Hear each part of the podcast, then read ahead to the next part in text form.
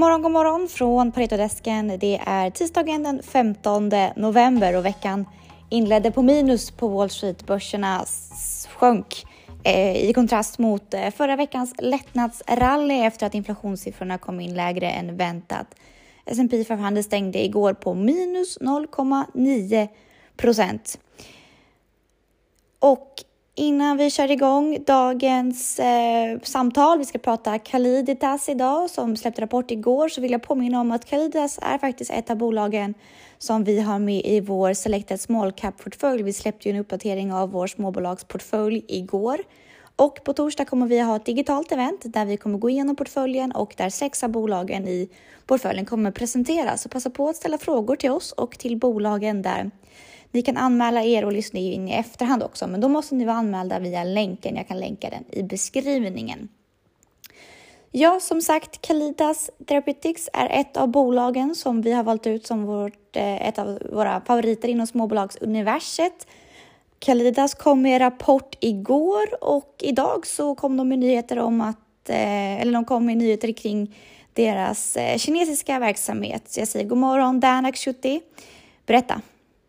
Uh, yes, so just today, actually, if, if we just mention that first, uh, they uh, uh announced that the, the, submission to the Chinese uh, FDA basically uh, was accepted by their Asia partner Everest Medicines, which means that we expect a potential approval by um, later 23, so sometime within the second half of 23 which then would open up the, the Chinese market where we see around uh, an addressable market of around 5 million patients, which is very large, but the pricing is obviously different. And China is always a bit, um, it's very difficult to assess, and drug sales usually don't pick up that much there. So that, that's why also we didn't value it. And we won't value un, un, until it's launched, but it's still uh, just additional upside uh, for Calliditas. Och hur var rapporten igår då?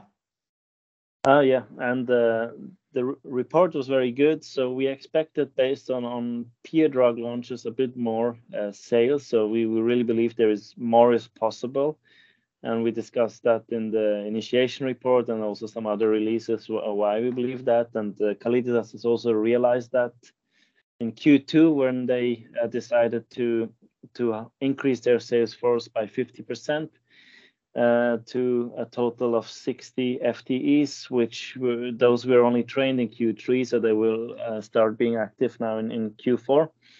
Uh, still, the company has reported uh, $12 million in sales in the second full quarter, which is, I would say, still a lot for a small Swedish company launch, launching a drug by themselves in the US.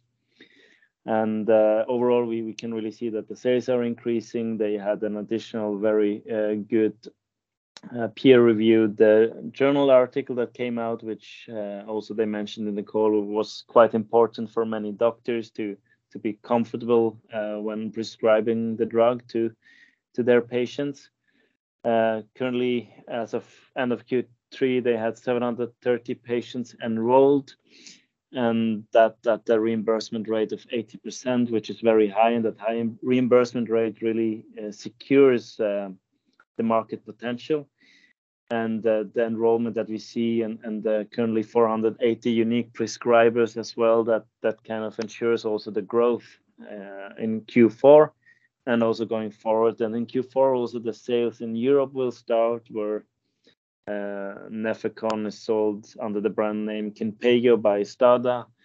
And uh, they started in Germany, where the retail price was around 82,000 euros, which after discounts, etc., ends up at our uh, estimated price of, of around uh, $70,000 per year per patient. Uh, so very good development. So there's really nothing going uh, bad somehow. It's just that they could do more but yeah it's a comparison to bigger companies to to to companies that burn much more cash doing so as well. Uh, but uh, i think there is a blockbuster potential here meaning that the drug should be selling at one point for over a billion dollars.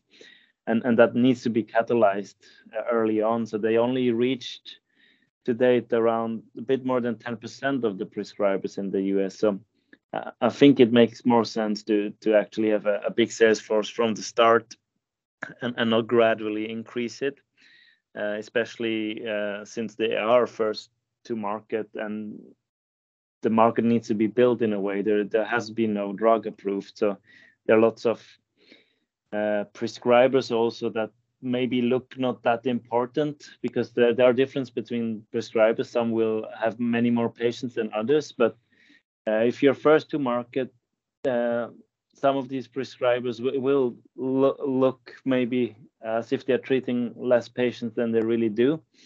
And uh, that will only reveal itself uh, after a first drug has been uh, launched. And I think there, um, that's why they, they should probably do a bit more there. But either way, it's developing very well. And uh, COGS has also been very uh, low, lower than we expected. That the the gross margin was was higher than 96%, some 96.5%, so very high gross margin.